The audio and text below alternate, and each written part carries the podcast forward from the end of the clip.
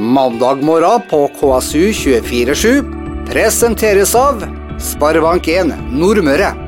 Ny uke og nye muligheter. Du er kommet til uke 33 av Næringslivspodkast her på KSU247. Mitt navn er Charles Williamsen, og i denne ukas podkast, som er den første da etter sommerferien, skal du få litt nyheter fra Nordmøres næringsliv. Det blir bl.a. en god del om resultat for de lokale sparebankene. Sunndal Sparebanks resultat er godt og god vekst for dem. Også da Sparebank1 Nordmøre har fått et godt resultat, solid sådan, og styrka posisjon her på Nordmøre. Vi får et intervju med Erland Troelsen, som er administrerende direktør i Sparebank1 Nordmøre. Det kommer etter en forskjellige nyheter, med bl.a. nyheter om hvordan det står til i Geseriber, som har fått over plass et par store tanker. Og i tillegg så får du høre litt om e-sport, om da også et nasjonalt senter for yrkesfag som eh, kommer nå. Men etter det så blir det da Allan Trulsen, eller Troelsen, som eh, er administrerende direktør i Sparebank1 Nordmøre. Og helt til slutt så skal du få høre hvordan det er å starte opp med eplesiderdyrking, eller i hvert fall epledyrking med siderproduksjon på Aure. Der er Tore Veum og Monica Wessel i full gang med det som heter for villeple. De har allerede fått produsert et par årganger i sin eplesider, som er knusktørr og ikke minst veldig godt tilpassa mat. Og jeg skal få høre litt om hvordan det er å tenker på epler hele året rundt, og samtidig drømmer om å lage vin. Så følg med. Det blir den siste delen av denne podkasten som vi har er en del av programmet mandag morgen som vi har hver mandag på KSU247, hvor jeg har en slags næringslivsfrokost med da nyheter og tiltakslyste folk fra Nordmøre. Det går hver mandag sju til ni. Mandag morgen på KSU247 presenteres av Sparebank1 Nordmøre. Tre store tanker har kommet til Kristiansund siste helg, og det er GC Riiber Vivo Mega som utvider virksomheten og kjøper har fått da, opp tre store tanker fra Nederland, som nå er løfta på plass og skal i løpet av noen måneder installeres og bli en del av da, lagringstankene til da vi var Mega som, og GC Riiber, hvordan man skal lagre fiskeolje. og det her gjør jo bedriften i stand til å kjøpe mer fiskeolje, og det her er én tank. kan la, Tankene kan til hver tank har ett års eh, råvareproduksjon mulighet til å lagre på, så det betyr at man kan kjøpe mer olje når man markedet tilsier det det svinger. Også i fiskeoljebransjen, kan vi lese i Tidens Krav. og nå eh, svinger jo da GC Riber Vivo Mega seg opp til å bli en av Nord-Europas største eh, produsent av fiskeolje. og Det er planer om å utvide med 20 nye ansatte i løpet av få år. Og over 100 millioner skal investeres i lokaler og utstyr her på Nordmøre. Så det er god drift og god vekst i firmaet, som eh, forteller da Jan Roger Bjerkestein, som er direktør i GC Riber Vivo Mega. Mandag morgen på KSU247 presenteres av Sparebank1 Nordmøre. Sparebank1 Nordmøre er ikke den eneste banken her på Nordmøre. Også Sunndal Sparebank har levert resultat for første halvår, da, eller andre kvartal. Og her har viser banken at det har blitt god vekst, sterk kundevekst, god utvikling i alle forretningsområder. En egenkapitalavkastning, som det heter på da 11,5% som er hakket bedre enn da Sparebank1 Nordmøre. De har også gjort det bra med da etablering av nye kontorer i Kristiansund, og som også har hatt en formidabel vekst første driftsår. Det forteller i hvert fall da bankdirektør um, Janni Engdahl i en pressemelding. Også i Surndalen, hvor man satte i gang et nytt avdelingskontor, har man uh, fått økt interesse for lokalbankkonseptet veldig godt, forteller da Engdahl. Resultatet er 44,6 millioner kroner, sammenlignet med samme periode i um, som i samme periode i 2021. Og uh, betyr uh, framgang på nærmere 15 og er også et godt resultat for egenkapitalbeviseiere. Så uh, det her er litt økte driftskostnader, men det er årsverk, flere årsverk her IT-kostnader også for Sparebank1, nei, for Sunndal Sparebank også, da. Så der eh, er gode tider. Og så får eh, Sunndal eh, Sparebank, som hadde et vekst på nærmere 20% og blitt 20% større på, i løpet av siste år. Mandag morgen på KSU247 presenteres av Sparebank1 Nordmøre. Adriano Salvatore Navarra selger lokale hvor han har drevet via Goma siden 2019, melder Tidens Krav. Under Goma-broa har man altså siden 2019 kunnet spist italiensk steinovnspizza. Nå har eieren lagt ut eh, lokalet til salgs. Jeg selger for å gi stafettpinnen videre til noen som ønsker å drive sjøl, forteller Adriano. Lokalet selges inkludert alt inventar og utstyr innen servering. Om kjøperen ønsker, kan de ta over konseptet til Viagoma, inkludert logo, nettopptreden, Google, eh, TripAdvisor, sosiale medier osv. Fordelen med eiendommen er at den er klar til omsetningsgivende aktivitet umiddelbart. Adriano forteller videre at planen er å drive pizzarestauranten fram til at den har fått solgt lokalet. Jeg skal ta litt ferie nå i august, men at det er planen å drive videre i en begrensa periode. Tidens Krav lurer på hvorfor han selv, i min yrkeskarriere som kokk, har alltid variert og bytta arbeidsplass dersom jeg har følt at tida var inn for å prøve noe nytt. Jeg har faktisk aldri jobba lenger på samme sted enn jeg har gjort hos Via Goma. Fra starten av var jeg klar over at jeg ikke kom til å drive med pizzabaking i mange år framover. Navarra er faglært kokk, eh, men kunne også tenkt seg å jobbe innen reiseliv om det rette dukka opp, kunne jeg vært interessert i noe innen reiseliv. Jeg har også kvalifikasjoner innen sjøfart. Jeg er veldig spent på hvor jeg havner, forteller han. Selv om eh, verden stengte ned et halvt år etter at Adriano åpna restauranten, har han hatt en positiv opplevelse. Jeg har trivdes veldig, og er stolt over at det er økonomisk overskudd i driften av pizzeriaen.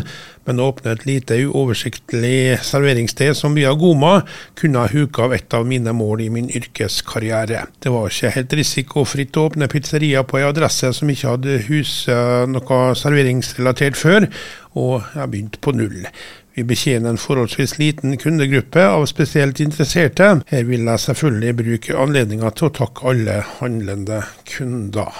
Ja da, nydelig pizza hos Via Goma, som eh, nå vil gi stafettpinnen videre. Så hvis du er interessert å ta over konseptet, så er det bare å ta kontakt med Adriano Salvatore Navarra, som driver og eier Via Goma.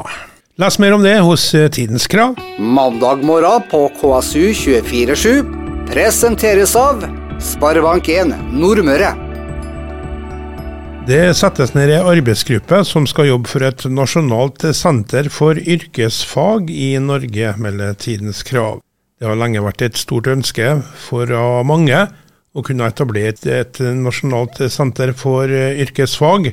Nå settes det altså ned en arbeidsgruppe som skal se på hva slags mandat og finansiering et nasjonalt senter for yrkesfag kan ha.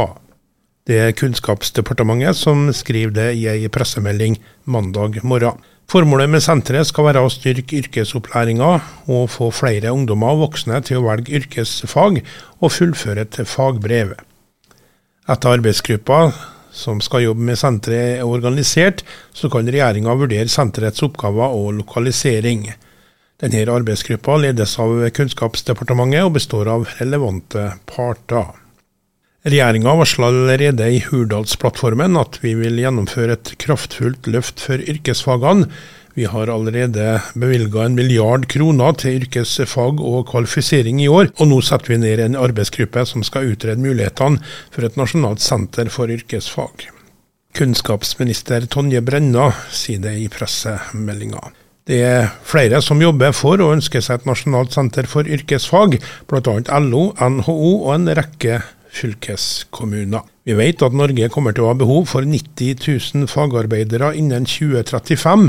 Vi må sørge for at yrkesopplæringa er god og relevant, slik at flere velger yrkesfag, og at de fullfører med fagbrev. Et nasjonalt senter for yrkesfag kan være et ledd i å nå de mer målene, fortsetter Brenna. Les mer om det på tk.no. Mandag morgen på KSU247 presenteres av Sparebank1 Nordmøre.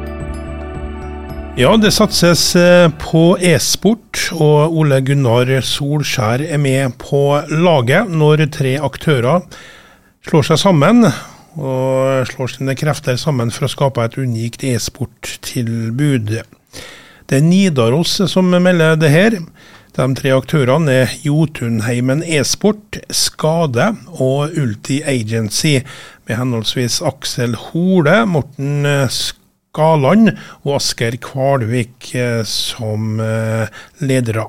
Sammen jobber de for å legge best mulig til rette for at e-sportutøvere skal kunne prestere best mulig med base i Trondheim. I korte trekk skal Skade stå for infrastrukturen og merkenavnet. Jotunheimen med pedagogisk kompetanse, nettverk og fasiliteter. Og Ulti Agency kommer inn som sponsor og støttespiller til spillerne via sitt eh, skintrading-selskap Ulti Skins.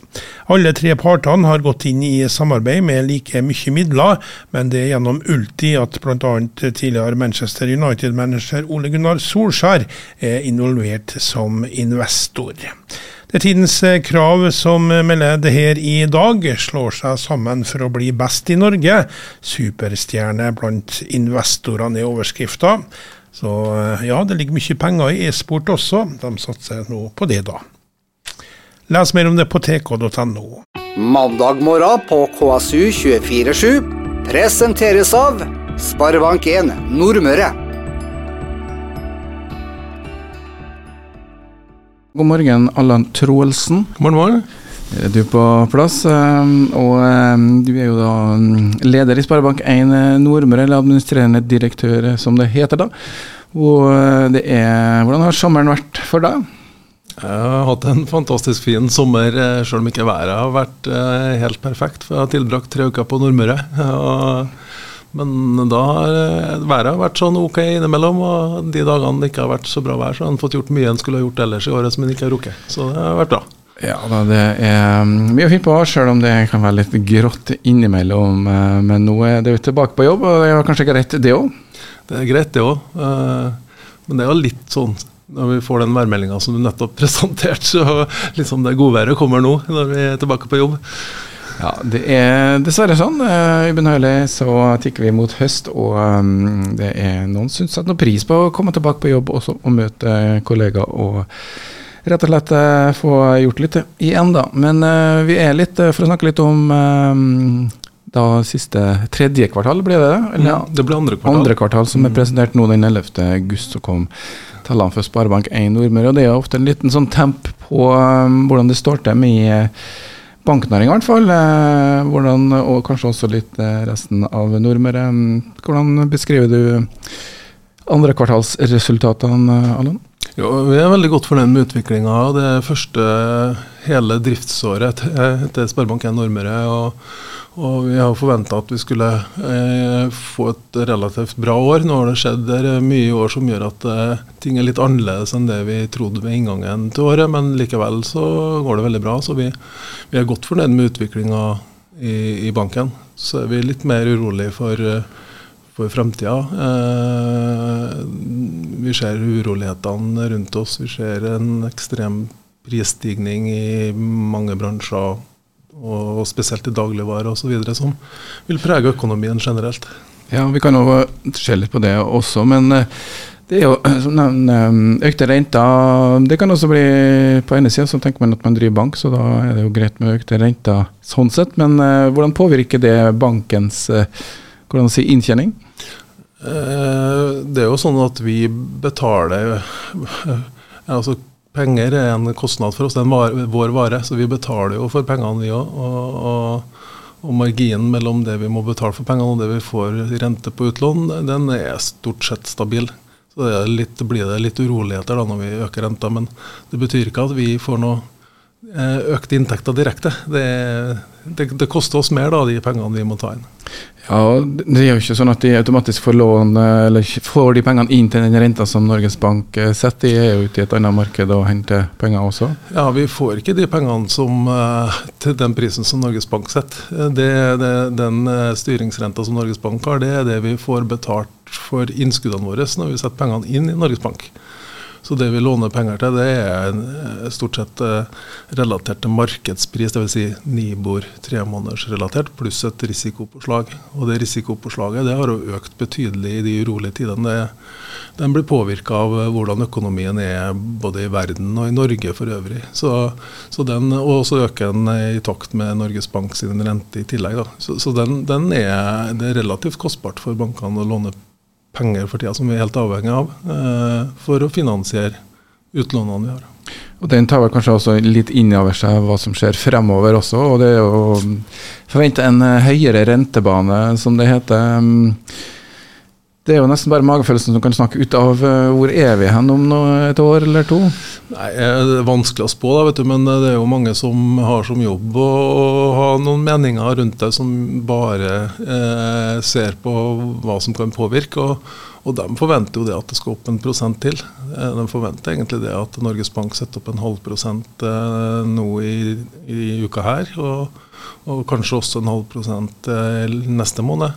Eh, så, så renta er eh, kanskje dessverre da, på tur opp eh, enda ytterligere. Og det, det gjør at eh, prisinga til bankene er jo med utgangspunkt i de forventningene som er til fremtidig rente. Så, mm. Men samtidig så er vi jo ikke så mye høyere enn vi var før pandemien. Nei, vi har jo vært i flere år Ja, også hvis en ser litt lengre perspektiv, så, så, så, har vi jo hatt et lav rente i, i flere år, egentlig. Og eh, unormal, Kall det unormal lang eh, tid med, med, unormalt lav rente i, i over lengre tid.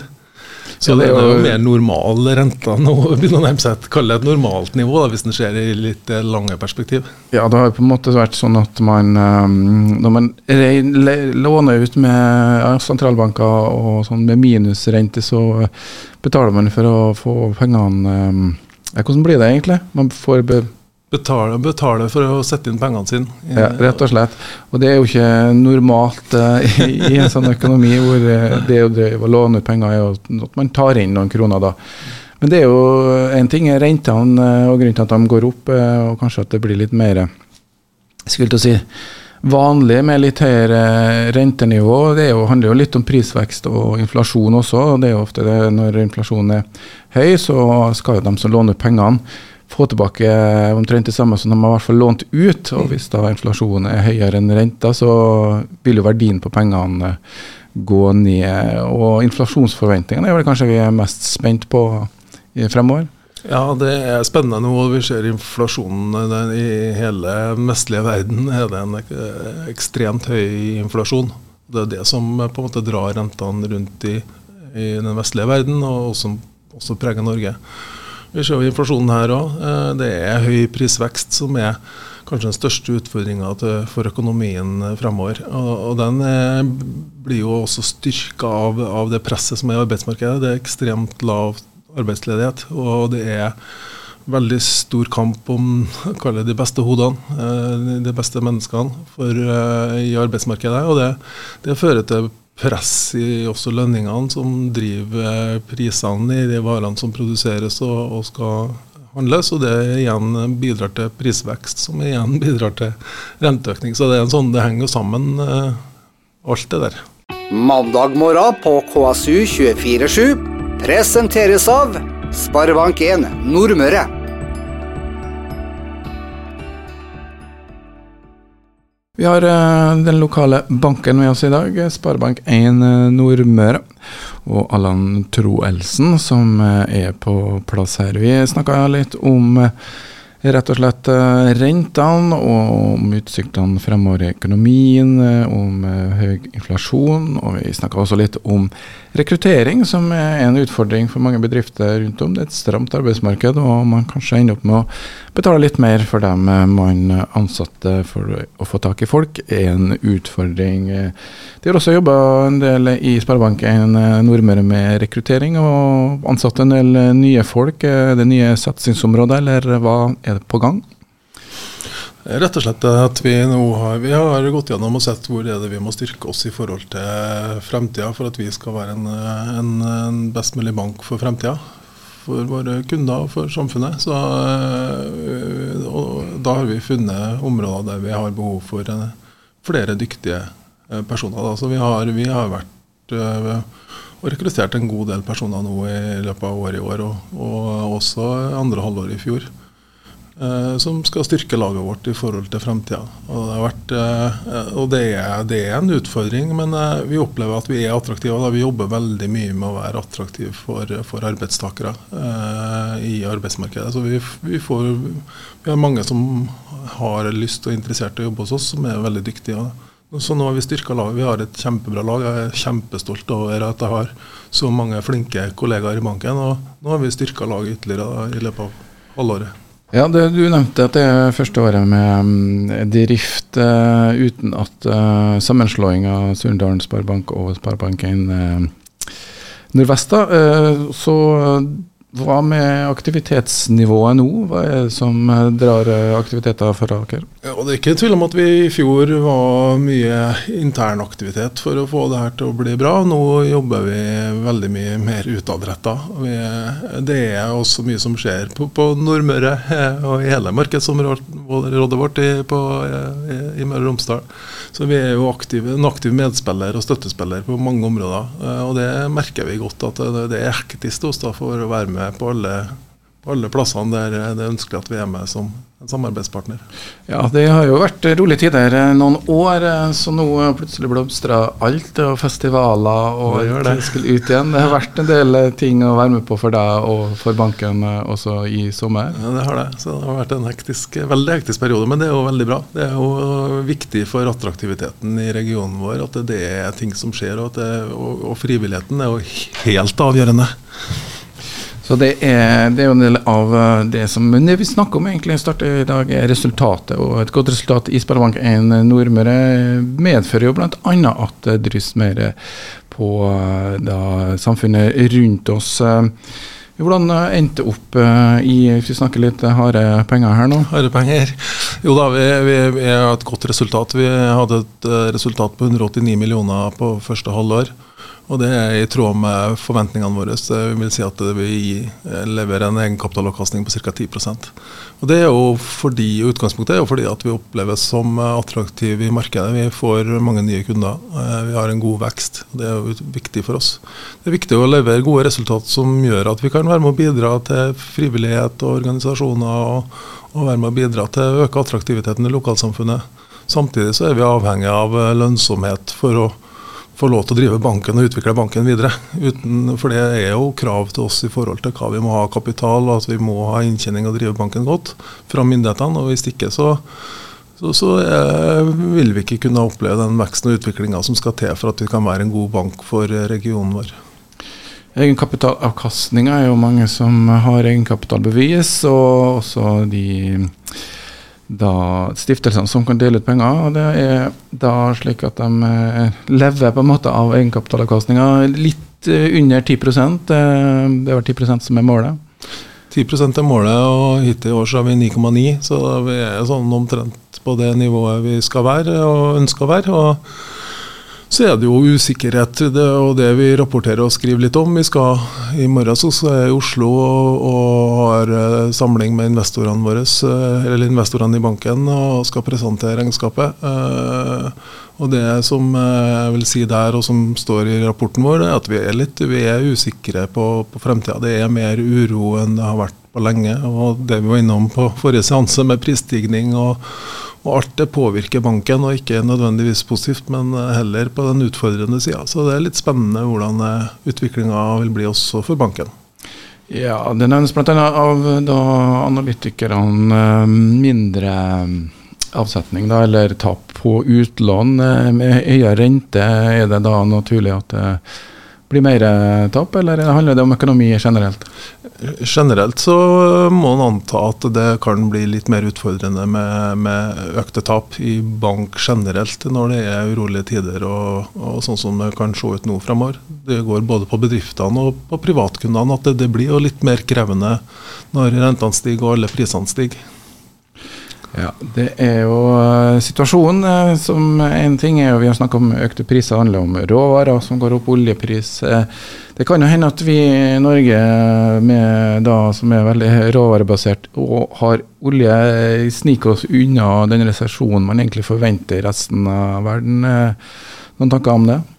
Ja, da, vi, vi, er veldig heldig stilt da, med de råvarene vi har. Om det gjelder olje eller om det er også fisk, som er utrolig viktig for, for Norge, så, så, så, kan, så, er vi jo heldig stilt på mange områder. Eh, samtidig så har vi jo vent oss til et stort forbruk. og, og sånn På privatøkonomien så, er forbruket relativt høyt. Og, og når forbruket er høyt, så betyr jo det at det er noen som selger de varene som kjøpes av privat, privatkundene. Eh, og hvis det blir mer utfordrende, så, så får vi en, kanskje en litt mer utfordrende periode. Nå er det jo når det gjelder oljen, så er det vel staten som har den største, absolutt største inntjeninga. Kjenner veldig godt på de oljeprisene som er nå, og det nivået som er. Men vi så jo at eh, da på Vestbase måtte de permittere folk. Nå litt usikkerhet mm. lokalt. Uh, oljeservice. Får de noen stemningsrapporter rundt om fra Nordmøre? Ja da. Vi er jo i tett dialog med, en, med, mange bedrifter gjennom at, vi, at de er kunder hos oss. Og rådgiverne våre rapporterer det at stemninga er god. det er fremdeles bra med aktivitet. Det er bra med eh, vekst, og det er en god lønnsomhet i, bedriftene på, på Nordmøre. Og, så, sånn, akkurat nå så ser det bra ut. Eh, men jeg tror nok at litt av de permitteringene som kommer, det kommer litt som følge av at de nå er litt urolig for hvordan hva skjer fremover. For det merker vi også på bedriftene, at nå er det uh, usikkerhet. da. Det er, det er høyere usikkerhet om hvordan det her vil bli fremover. Det får være um, det som vi må ta med oss videre. Vi kan ikke slå fast verken det ene eller andre. Og selvfølgelig har man jo tro på at uh, oljeinvesteringene går litt opp når uh, prisen på olje går opp. Men samtidig så må vi huske at uh, når prisen på olje går opp, så blir det dyrere med energi, bl.a. for dem som skal kjøpe oljen. Så det er ikke alltid slik at en høy oljepris bare betyr masse penger inn til både AS Norge og også de som driver i den eh, bransjen. Harald Trulsen, takk for uh, dagens oppdatering. Og så får du lykke til med jobben videre i Sparebank1 Nordmøre. Tusen takk for det. Mandag morgen på KSU 247 presenteres av Sparebank1 Nordmøre. Mandag morgen på KSU 247 presenteres av Sparebank1 Nordmøre. Da har vi slått oss til på uh, i Aure, rett og slett. Uh, her med um, Jeg vet ikke hva det er utsikt over, men det er i hvert fall masse epletrær. Og vi er kommet på et sted som heter Solbu. Det ligger på Vikan i, uh, på Nordlandet. Og vi er faktisk i Aure, for dere nevlebeskuende kristiansundere. Verden er større enn Nordlandet og Vikan der. Og her nemlig så har vi slått oss til på um, det som kanskje skal bli en eplesidergård. I hvert fall så er det masse epletrær. Og her eh, har Monica Wessel og Tore Veum eh, slått seg til. Og um, Monica, hva, vi, hva, slags plass er det her? Det er et gammelt småbruk fra ja, sånn 1930-tallet, egentlig. Eh, som vi kjøpte i 2019. Det har jo vært egentlig bare dyrka gress her de siste sikkert 50 åra. Men eh, nå er det i hvert fall 1700 eh, epletrær og 100 vinplanter. Ehm, så det skal bli, om noen år så håper vi å få en bra avling med sidereple her, da. Ja, for det er jo da en eh, viss produksjon av epler som er sakene. Men det, hva slags vyer, hva, hva er det skal bli til slutt? Stedet, Er det eller tar sideren? sånn eh, plass for drømmerier og Mm, ja, det er jo det også, for vi leier jo ut det huset fra 1930 da, til, mm, til turister. Eh, og vi har også sånn pop-up-restaurant her, eh, og vinkurs. Så ja, det er jo absolutt det, er et rolig sted. Det er et sted for lange tanker. Ja, og Monica og Tore står jo bak det som også heter Rennesjøen. og Det vel egentlig det som er, skulle være eh, prosjektet. For begge dere da eh, har fortalt meg at de bodde på Østlandet. Men eh, Monica, hva skjedde?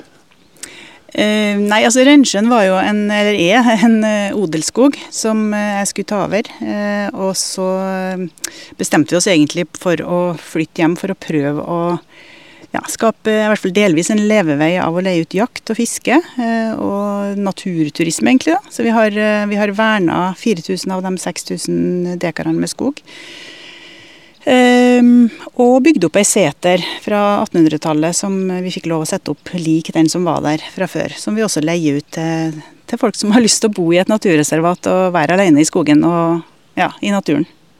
For det var tilbake til naturen som var utgangspunktet. Hva har dere holdt på med når de bodde, bodde vel i Oslo? eller ikke? Ja, vi bodde i Oslo, vi bodde på Sankthanshaugen, så ehm, Men eh, vi, vi, vi hadde jo travle jobber begge to. Svært travle. Jeg har vært i, sikkert, jeg har vært i ti år i samme, samme stillingen. Og det, eller ikke akkurat samme stillingen, men i hvert fall ti år med jobba med samme menneskene, samme, samme utfordringene. Så i hvert fall jeg hadde lyst på noe nytt. Ja, dette kan like godt prøve noe helt annet. Noe man ikke kan. Ja, for Monica er jo da fra Kjørsvikbogen og har vokst opp her. Eh, Tore, dere har jo vært innom. eh, Hva har du tenkt om plassen? Det er veldig mye natur i Aure. Eller Kjørsvikbuggen er veldig mye natur. Og, eh, på godt og vondt. og, eh, og få mennesker. Det, det trekker litt. Jeg liker å ut naturen og bruke naturen. Det syns jeg er veldig stas. Og, ja, fiske. Og egentlig bruke ressursene i havet, da, som både, altså, både fisk og skalldyr. og dykke litt, dykke hen til kammerskjell f.eks. Det er fantastiske ressurser. Det er, jo, det er i verdensklasse råvarer. Men Det har tidligere vært liksom fritidsplassen, eller det er kanskje, for jeg hadde hytte på Kjørsvikbogen eh, også. Ja, det er den vi har flytta inn i, da. For Monica, du er jo da Karl eh, oppfødd, eh, som det heter, og, og røttene her hadde alltid tenkt at du skulle flytte tilbake. Nei, nei, jeg hadde egentlig aldri tenkt at jeg skulle flytte tilbake. Men jeg tror jeg sa når jeg var veldig lita, når noen spurte om jeg skulle flytte tilbake, så sa jeg nei, når jeg får mann og barn og er ferdig med livet likevel, så kanskje. Og det er jo i praksis det jeg har gjort, egentlig, da, faktisk. ferdig med livet. ferdig med livet. Ja. Nei, eh, nei, jeg Men tenkt det er ikke ikke noe det. pensjonisttilværelse det er lagt opp til? Nei, det er veldig lite. Det er ikke noe eh, Vi sitter ikke på baken. Nei, det Ja, gjør vi for det første var det jakt og skog, og så Du har jo en bakgrunn fra Vinmonopolet, og eh, har det virka litt på at de fant ut at de skulle Eh, ja. De trengte litt mer å holde på med? Ja, Jeg har masa om de der siderepletrærne mine i mange mange år da, vet du, Jeg tenkt at vi skulle plante på den der hytta, og Tore har vært litt eh, skeptisk. Men sannelig, så nå er vi med på det begge to. Eh, og det handler jo selvfølgelig om at når du jobber sånn som jeg gjorde med å fære rundt og besøke vinprodusenter over hele verden og stille tusenvis av spørsmål, så får du jo til slutt veldig lyst til å prøve å lage et eller annet som gjerder sjøl. Så det var jo egentlig bakgrunnen. Og så har vi jo planta 100 druevinstokker her, da. Men eh, vi skjønner, til og med jeg skjønte jo at det kanskje var epler som ville bli den eh, primære råvaren, da.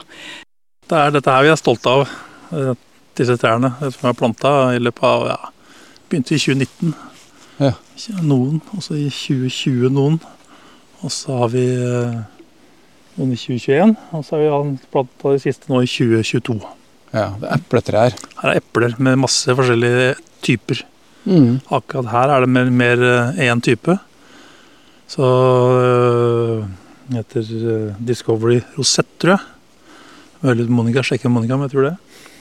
Også på den andre åkeren der borte så er det mye mer øh, forskjellig. Jeg tror det er ti eller elleve forskjellige sorter. Og også sånne mm, rene siderepletrær.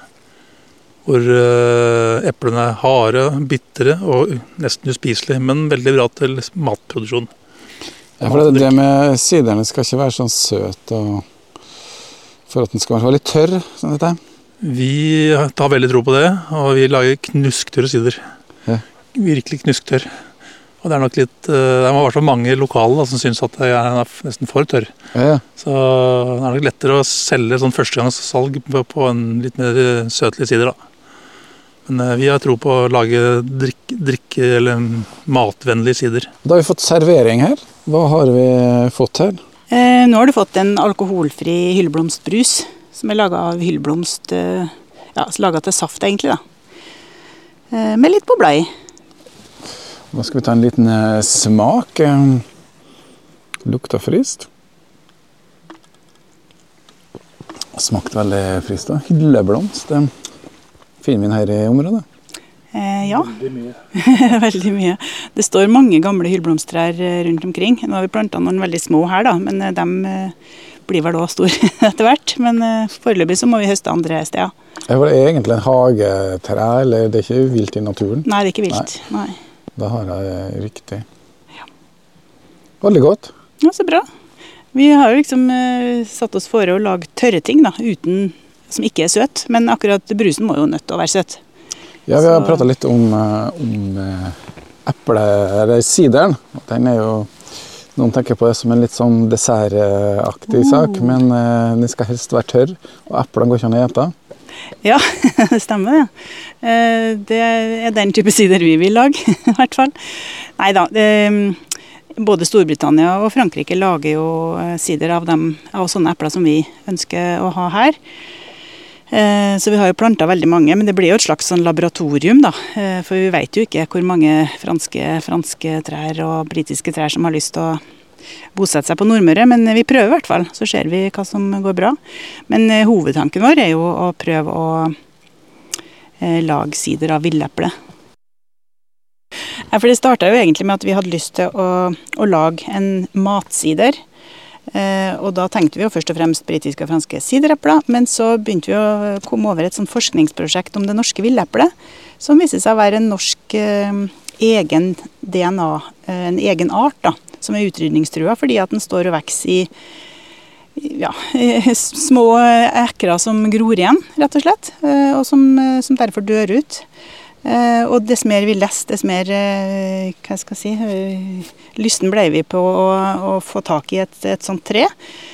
Eh, Og I det forskningsprosjektet så sto det jo om tre trær i Midt-Norge som var DNA-testa. Ett på Storfosen, ett på Inderøya og ett på Valsøya, som er her på Nordmøre. da.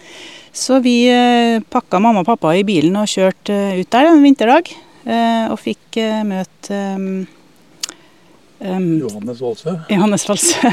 Eh, eh, Sauebonden som, eh, som eier det treet. eh, Som var en kjempekjekk fyr. Og vi fikk lov å ta og klippe av kvister som vi poda. eh, To trær da, i første omgang sjøl.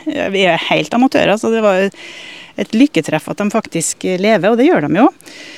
Eh, Og så For når man poder, så tar man en grein eh, og så limer på et annet tre. Ja, i praksis er det faktisk det du gjør. Ja.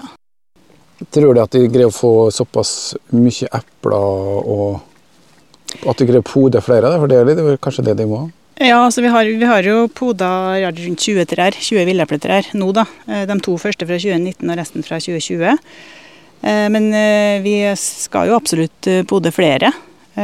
Villeple er en, en kjempespennende ressurs. og Vi laga jo i 2020-årgangen en sider som har 30% villeple. Eh, Og, den, eh, og vi var jo litt spent, for at det, villeple omtales jo som helt uspiselig. Og når du tygger på det, så er det jo bittert, og det snerper, og det er surt. Men sideren ble utrolig god, faktisk. Eh, Så, så vi har veldig store forhåpninger til villeple altså. Selv om eh, vikingene, eller en skriftlig kilde fra 1500-tallet, sier at eh, eh, sverdet ble helt eh, ubrukelig etter å ha skåret i et villeple, for det var så surt og bittert og fælt. Eh, Men, men i sider er det veldig godt. Ja, Villeple er jo, et, eh, er jo en svært gammel og viktig ressurs. da.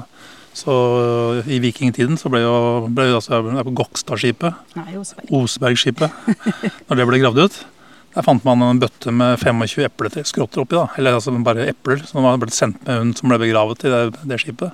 Som da var en veldig viktig person. Så når hun, hun dro videre til, til, til himmelriket, så måtte hun få med seg epler. Som var en veldig viktig ressurs. Og man er jo litt i tvil om man, man vet jo at vikingene drakk mjød. Om det var øl brygga på honning, eller om det faktisk var brygga på epler. For epler er antageligvis en mye, lett, altså, mye enklere ressurs å få tak i. Honning har en svært vanskelig ressurs å få tak i for å lage noe volum av. Så det blir diskutert, i hvert fall, uten at man er sikker på det. Ja, for villeple Det er jo en del lokale eplesorter også. Jeg har jo vært på besøk av noen andre epleprodusenter på Nordmøre òg. Mm. Eh, er det noen lokale de har fått tak i her, eller? Eh, ja, vi har jo hva er det vi har, 14-15 forskjellige. Eh, så vi har jo noen vanlige sånne som de har i Hardanger, Discovery og Discovery Rosette og sånn. Så har vi også gamle norske sorter som Torstein. Um, så har vi siderepler som Vitos uh, ja, Bramley Seedling, som er britisk. Hva har vi mer? Vi har Ashton Bitter, Ellis Bitter Ja, mange, mange forskjellige, da. Jeg skrøt på meg at vi hadde en 11-12 forskjellige sorter. Ja, Det var ikke å skryte for. Vi har 13-14, tror jeg. Kanskje til og med 15. Og et villepletre har vi jo rett her nede som er poda villepletre som vi har poda sjøl. Og har henta fra podekvistene fra Valsøya. Ja, det står da et enslig lite tre litt for seg sjøl. Ser litt ensomt ut? Eh, nei, det er egentlig ikke ensomt. Det er egentlig et heldig tre, for det skal få lov å vokse og bli stort. De andre trærne har vi jo bitta fast i streng og stolper. Men akkurat villepletreet der, i hvert fall, og det andre som vi podda som står på andre enger der, den, de skal få lov å bli, ja, vokse litt sånn som de vil. da. Ja. For De skal ikke bli for høye, disse epletrærne? Eller skal jeg liksom klippe dem ned og holde dem Vi skal holde trærne i sånn 2-2,5 meters høyde da, for at du skal kunne gjøre alt fra bakken. Både høst og klipp og gjøre alt sånne ting. da. Så du slipper stiger og sånt. Men foreløpig så suser vi jo rundt og høster epler fra veldig snille epletreeiere som lar oss få lov å, å høste. Eh, og de trærne er jo derimot ganske store. Så der har vi ja, sikkert kanskje ikke HMS-riktig vært eh, klatra ganske mye. Det er altså samla inn epler nå, og så har, har de har egen produksjon eh, av sideren. da. Skjer det her på gården òg? Eh, sideren produseres i et lokale som vi har vært så heldige å få låne i et eh, nedlagt fjøs. Eh, så, eh, ja, et gammelt melkerom egentlig på, på et fjøs. Mm, men vi kan godt ta en tur dit etterpå, hvis du har lyst. NEAS presenterer sommerradioen på KSU247 fra klokka 9 til 12 i hele sommer. Sommerradioen eh, er på plass i Aure og Vikan ikke lenge før du kommer til Kjørsvikbogen.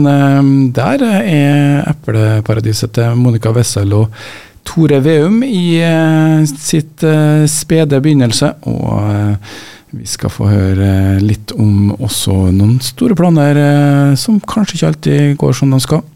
Men nå handler det om druer og vin. Mm. Ja, for Vin er, det er jo det du nevnte at du har jobba med, men du har også nevnt at de planta noen druer. Skulle ikke egentlig bli veldig mange flere druetrær? Eh, jo, det skulle, det skulle, jo komme 600 østerrikske vinstokker i år.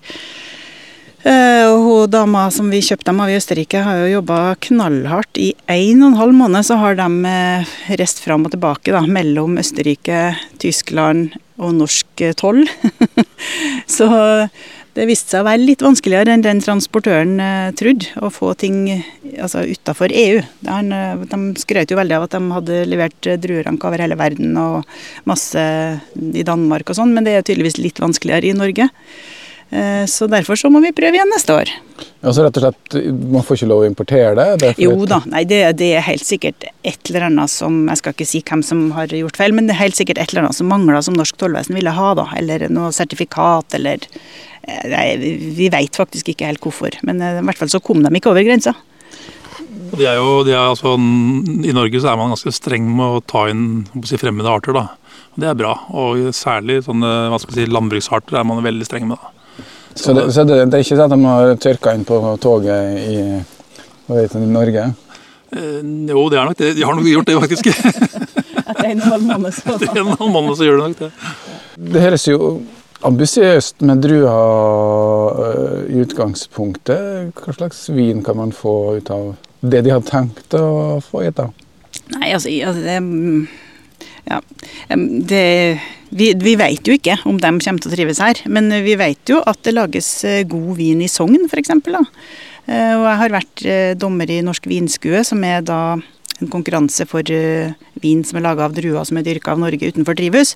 Eh, Og det går absolutt an å lage god vin i Norge. Det, mm, det håper jeg nordmenn veit. Eh, Så, så det er det. Men akkurat de typene som vi har eh, prøvd å importere nå, da, og som vi skal ha neste år, det er jo vanlige druer som, eh, som ikke er spesielt herda. Eh, mange av dem som dyrkes i Norge er jo spesial... Eh, hva heter det? Manipulert for å, for å kunne tåle eh, vårt klima, da. Men også sånn som jeg kan ta dem med ned og vise Pinot Noir-vinstokkene våre etterpå. Og de er jo rett og slett eh, båret fra champagne. Og, og tåler jo ned i minus 18 grader der òg. Så det er jo ikke det at det er for kaldt her. Det er veldig sjelden at det blir så kaldt her som, som det. Vi har jo milde vintre. Ja, vi har det. Så, så, så det, det viser seg jo at de lever. Eh, absolutt. Eh, og det er jeg jo kjempeimponert over. Men eh, så gjenstår det å se om vi får modne druer. Det er jo det som er spennings, spenninga her, da. Vi sitter jo i en eplehage, og det er jo eh, På ene sida det de har tenkt å leve av på Rennsjøen, de skal ikke få lov til å komme hit. Det er høye gjerder. Ja, her ligger jo sparepengene våre, da, for å si det sånn. Eh, Gjerder, ja, det må man ha, for her på Vikaren så er det veldig, veldig mye gjort. Eh, så det er sjanseløst. Og rådyr. Så, så gjerde, det må man ha hvis man skal dyrke noe. Eh, så ja. Og en ting er hvis du dyrker gress, det er jo, mange, det er jo veldig mye snakk om det i Aure, at det er beiteskader pga. hjorten. Men, eh, men eh, det, på epletrær så må man i hvert fall ha et sikkert gjerde. Og det er det. Det har jo holdt nå siden 2019, så vi er kjempefornøyd med det. Man må jo kunne si at dere er um, kanskje ikke hobbybønder, men har kanskje ikke lang uh, utdanning fra, som agronomer. og den, delen. Hvordan er det å være en del av landbruksmiljøet med epletrærne her på Solbu? Jeg syns jo det er fantastisk. Jeg syns det, det er veldig givende sånn rent personlig. Og så er det eh, veldig spennende, selvfølgelig. Og som Tore sa i stad, så vi gjør jo egentlig bare ting vi aldri har gjort før. Eh, og det i seg sjøl er jo kjempeartig. Eh, så gjenstår det nå å se da, hvordan det går med alle de her trærne. Og vi kunne jo selvfølgelig ha seifa og planta 100% aroma. eh, Som er et eh, eple som, som vi også har planta litt av, da, og som vi ser gir veldig stor avling. Men eh, men vi har valgt å være et laboratorium da, og prøve mange forskjellige siderepletyper. Aure kommune har jo vært veldig behjelpelig. Det er ikke noen tvil om at det å være i landbrukssektoren, som vi da tross alt er, da, det er også gunstig. da. Så igjen, Vi får masse bistand og støtte hvis de, hvis de, hvis de ønsker det. Eh, Ja, eh, Sammen med Innovasjon Norge har jo også egne støtteordninger for landbruk. da. Så vår opplevelse av landbruket er jo i hvert fall veldig positiv. Ja, altså da, da er jo det store spørsmålet går det rundt det her. I, altså det vi driver med, det er ingen raske penger. Det er store, store utgifter og ingen raske penger. For ep- epletrærne tar jo i hvert fall fem år før man planter de, til det gir noe avling å snakke om. Også på sideren tar jo eh, nesten to år før man, altså etter at man har plukka eplene. Så presser man de, og så legger man på tank. Så ligger halvannet år i hvert fall på, på, på tank og flasker. da. Og, eh, så det er ingen raske penger. Så her tror jeg vi Foreløpig så har vi mer tro på en retning enn vi har tro på, vi har tørt å regne på det, egentlig. Men det kanskje var greit å ha en leilighet i Oslo som man kunne selge? da? Det var veldig greit eh, å flytte inn i hytta. Så ja, det er jo absolutt det vi, vi lever på nå. Men eh, jeg har jo tro på at vi skal få det til til slutt. Men det blir jo ikke én enkelt ting. Vi kommer ikke til å leve bare av sideren eller bare av jaktutleie. Men, eh, men hvis vi får til altså jaktutleien, som vi, som vi er i god gang med, og sideren, som vi også er i god gang med, og reiselivet, da, som skal være den tingen som syr alt det sammen, så har vi tro på at vi skal klare å lage en levevei av det til slutt. I vinverden så er det jo en bølge som er helt åpenbar, og som ikke bare i, i vin, men det handler jo om kanskje også da innenfor landbruket landbruk. At man går mer i økologisk, eller i hvert fall mer bærekraftig retning. Eh, Hva betyr det for eh, dere? Eh, Det betyr veldig mye for oss. Vi er jo Debio-sertifisert allerede her. Eh, og vi ønsker å gjøre Hva betyr? DBO Debio er jo Norges eh, sertifisering av økologisk landbruk, da. Eller økologiske produkter, egentlig. Så, så området vårt er økologisk sertifisert, og så må vi ha en ekstra sertifisering på sideren når vi kommer så langt. Eh, når vi får begynt å høste epler her, da, for, for da må du ha det av produksjon også. Ja, Da kan du ikke bruke kunstgjødsel den type ting? Da må Nei, du det- ha møkk fra bonden ved siden av? Mm, ikke noe kunstgjødsel og ikke noe sprøyting. Eh, Nå er jo vi heldige som skal lage sider, for eh, det som er egentlig verst med, eller grunnen til at mange sprøyter, er jo at, de får, eh, at eplene ikke ser så fine ut. da. Det kommer skorv på, på eplene, men det har jo ikke noe å si når vi skal likevel presse dem. Så Sånn sett så er vi jo heldige. Um, men, men vi tenker jo egentlig bærekraft i alt vi gjør, da, og ønsker at vi skal ha minst mulig CO2-fotavtrykk. Det gjelder også emballasje, så vi håper jo på sikt å få tappa på aluminiumsboks med pant, som er det mest eh, ja, miljøsmarte valget for drikkevarer. Eh, Men foreløpig så, så har vi jo glass, faktisk. da, For det, det er jo noe med at du må skaffe eh, tappeutstyr og ja, forskjellig. Du må opp i en viss produksjon for det lønner seg å investere i et sånn bokseanlegg? du Ja, og så handler det også om å lære. Vi må jo f.eks. finne ut hvordan vi kan tappe den hyllblomstbrusen på en boks eh, når den må nødt til å pasteuriseres og ikke kan tappes på aluminiumsboksen varm, f.eks. Altså, det er sånne ting vi, vi lurer på, da, som vi må finne ut av, og, så, og gjøre det etter hvert. Økonomien i det her nå, for å Hvordan finansiere det? Er det er oppsparte midler? Er det banken? Er det Ja. Nå lever vi nok på mye gammel moro for foreløpig. Og i tillegg så jobber jeg jo litt da, i perioder. Og Monica jobber Eh, Vinanmelder i Adresseavisa, men det er nok ikke det jeg lever av, vil jeg si. det, De fortsetter fortsatt å ha litt eh, jobbing eh, fra gamleyrkene. Ja, i det er, det er fall greit å ha som på at det sper på litt, da. Det, det er absolutt det. Så, og, ikke, og ikke minst da, holde seg i faget, da, så at man ikke er helt Hvis bevisst til det ikke skal gå. da, For det, det har vi tenkt at hvis dette ikke funker, så det verste som kan skje, er at vi må gå tilbake til våre gamle jobber. da. Men det, målet er vel kanskje å leve 100 av det her. Tror du at de får det til? Ja, det tror jeg, men som Monica sa, det, det kommer ikke til å bli ett bein vi kommer til å stå på. Vi kommer til å måtte stå på to-tre bein for å skaffe oss inntekter på mange forskjellige steder. Eller på flere forskjellige steder. da. Ja, For Det er jo på en måte en landbruksbedrift, eller en slags produksjonsbedrift. Men det er jo kanskje også reiseliv og opplevelser som blir beinet, et annet viktig bein òg? Absolutt. Og det var jo altså, inspirasjonen til at vi faktisk eh, ville flytte hjem, var jo at vi er veldig glad i å gå på jakt begge to. Og Reinsjøen er jo ikke noe enkelt jaktterreng. Det er ikke sånn som her, at du kan ligge på et jorde og så mm, plaffe hjorten ned. Du må jobbe skikkelig, og du må vite hvor du skal gå, og du må vite hvor du skal sitte. Og, ja, det, så det er eh, utrolig krevende, men ekstremt artig jakt. da. Det, og det er det vi selger. Vi selger opplevelsen, og ikke, ikke nødvendigvis kjøttet. Hvilken type eh, gjester går det an å si at de har funnet en trend? Nei.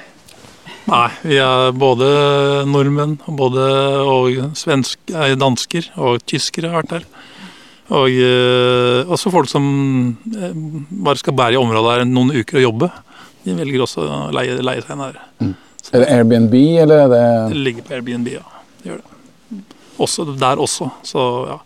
Og så er vi jo medlem i dette, dette Kystreff, da, som er en sånn organisasjon for eh, reiselivet, eller lokalt, lokal småvareproduksjon, eller småskalaproduksjon av, av varer, og reiseliv i Aure.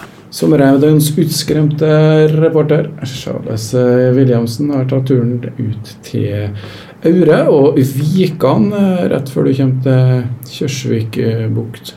Der har eh, Monica Wessel og Tore Veum sitt eh, lille epleoase, hvor de dyrker epletrær. Men eh, vi skal høre at eh, vin kanskje det blir også. I hvert fall hvis de får frem eh, vinrankene som de hadde bestilt fra Europa. NEAS presenterer sommerradioen på KSU247 fra klokka 9 til 12 i hele sommer. Vet du eh, hvordan eh, boblene i champagnen eh, lages? Det vet i hvert fall Monica Wessel og Tore Veum, som lager eplesider på samme metode som god champagne. Og nå skal vi ned i den plassen på Aure som har de edleste dråpene av villeplesider. Ja, hvor er vi nå? Eh, Nå er vi i det gamle melkerommet i et eh, nedlagt fjøs. Eh, og Her er jo da det lille produksjonslokalet vårt. Da har vi tre tanker her nå, så har vi tre som står som skal installeres før årets høst. Og så er det jo det vi har igjen av, siderproduksjon fra 2020. Og Hvor mye hadde de i utgangspunktet? Nei, vi hadde jo ikke mye. 350 liter eller noe, kanskje. Så det her er da Går det an å lagre sider? Ja, altså Vår side går det an å lagre, i hvert fall fordi den er laga på champagnemetoden. Så den vil egentlig bare bli bedre og bedre eh, når den lagres. Champagnemetoden? Ja, eh, For når du skal ha bobler i en sider, så har du jo flere måter å gjøre det på. Det ene er å gjøre sånn som når du lager brus, at du bare tilsetter CO2. Så blir det bobler. Eh, mens den andre metoden er jo som man gjør med champagne. da, At man uh, lager et ferdiggjæra produkt, og så tilsetter man ja, sånn som vi er, sånn lita teskje med sukker når det er ferdiggjæra, og tilsetter. og så, Da lever jo gjæra enda.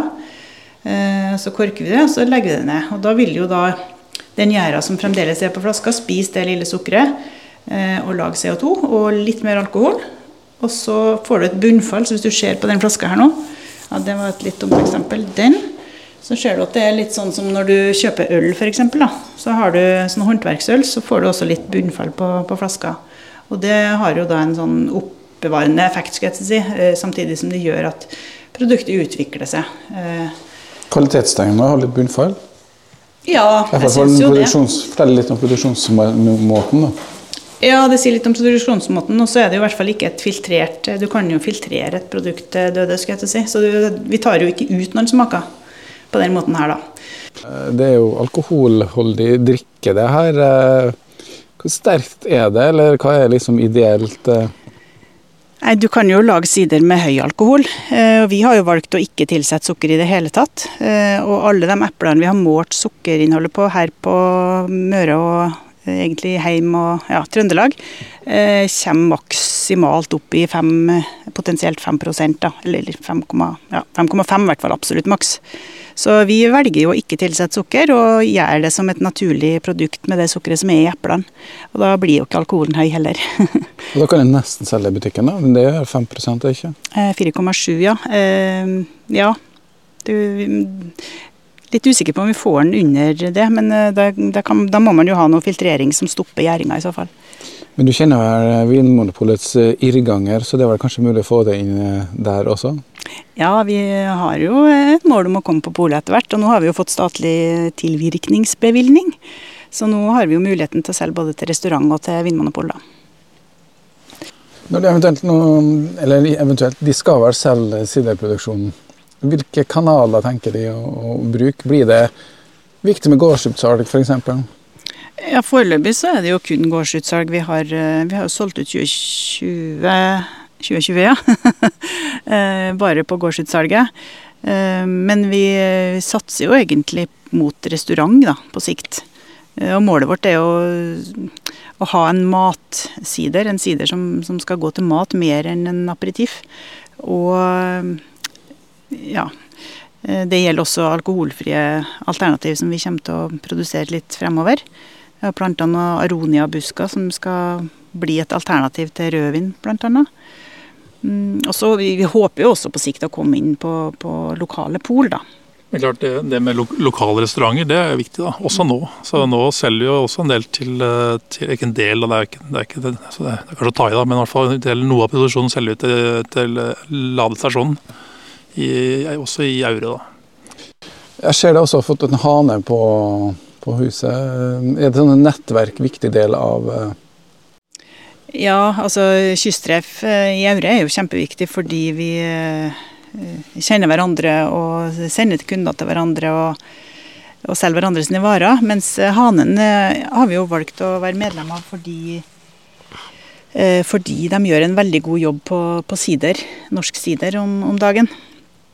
Så det, det er hovedgrunnen til at vi er med der selv. Og de har jo også veldig gode ja, nettsider, sånn at folk finner oss sikkert også gjennom Hanen, da.